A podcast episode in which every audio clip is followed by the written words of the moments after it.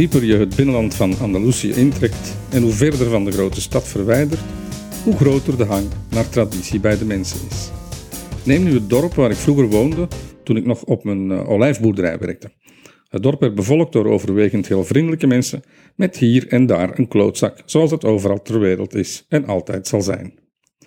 In dat dorp leerde ik Paco kennen, die beter bekend was onder zijn apodo of mote, zijn bijnaam, Algarrobo. Paco hoorde voor alle duidelijkheid bij de vriendelijke mensen.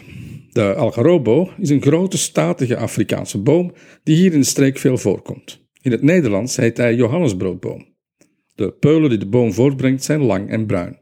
En van de buitenste schil wordt meel gemaakt. Dat wordt gebruikt als een vervangmiddel voor chocolade. En de harde pitjes binnenin worden verwerkt tot een dikkingsmiddel, dat je terugvindt in babypoeder en allerlei voedingsmiddelen.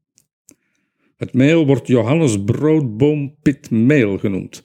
Handig, uh, weet je, voor wie graag Scrabble speelt. Wie bijbelvast is, weet ongetwijfeld ook dat deze boom verschillende keren in de Bijbel wordt vernoemd. De peulen zijn namelijk zoet en voedzaam en volgens bijbelkenners was de algarobo-peul eigenlijk de manna die uit de hemel viel toen Mozes met zijn volk door de woestijn trok. Waarom het dan in het Nederlands Johannesbroodboom heet en niet Mozesbroodboom is een van die mysteries waar elke godsdienst een patent op lijkt te hebben. Maar ik dwaal af, want ik wilde het eigenlijk over Algarobo de mens en niet Algarobo de boom hebben. Dat Paco Algarobo naar een reuze grote boom werd genoemd is overigens ook een mysterie, want hij is slechts een goede anderhalve meter hoog. Paco is achteraan in de vijftig, maar kan lezen, nog schrijven. Zijn ouders stierven alle twee toen Paco nog een kind was. En hij bleef alleen over met de zorg voor zijn jongere broer.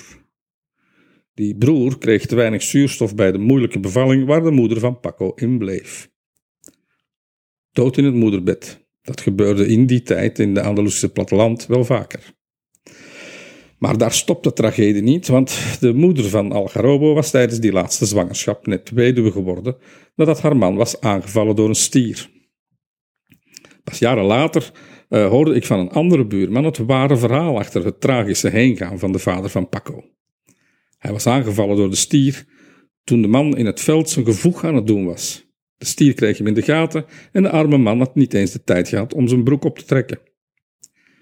Het zijn van die verhalen waarbij je niet goed weet of je er jaren later mee moet lachen of huilen.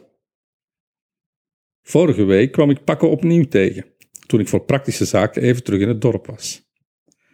Ik moet mijn oren altijd goed spitsen als Paco spreekt, want hij heeft een hoge nasale stem en spreekt alleen het lokale dialect, waarbij werkelijk alle medeklinkers worden ingeslikt.